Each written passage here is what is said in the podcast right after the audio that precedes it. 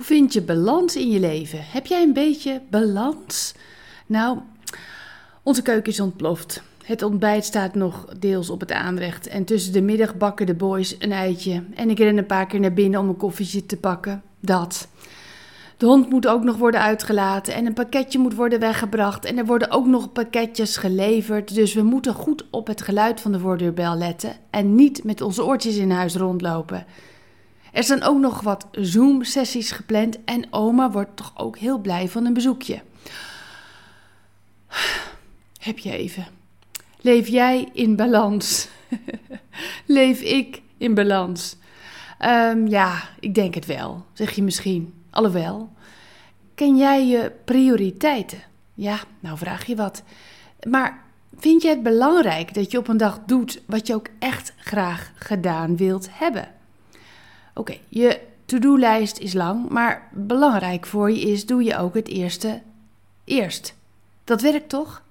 Nou, ik heb goed nieuws voor je. Hoe zit het met je balans? God wil je helpen om balans in je leven te vinden. En daar ben ik persoonlijk echt heel dankbaar voor.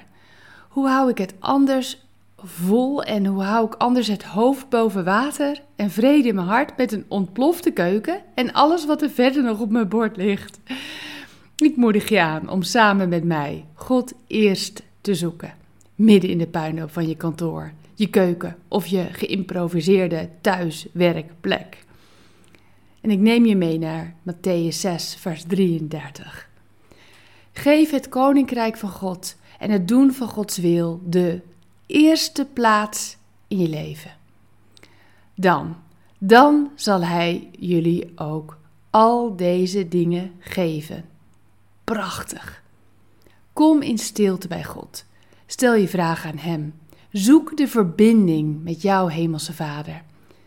Vanuit liefde wil Hij niets liever dan jou leiden in dit leven en je wijsheid geven in de keuzes die je moet maken. Als je hoofd volloopt en je niet meer weet waar je moet beginnen, dan volgt frustratie als vanzelf.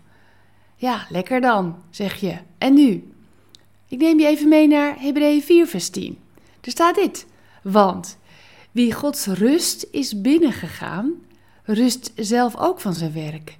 Net zoals God rustte van zijn werk. Vanuit, vanuit zijn rust zul je dus meer overzicht krijgen. Met rust in je hart heb je sneller scherp wat je prioriteiten zijn. Dat is toch niet gek, hè? Dat is toch fantastisch? Zijn rust gaat dus balans brengen. Zullen we samen bidden? Ik kom bij u met alles wat ik op mijn bord heb liggen. En ik geef het over aan u.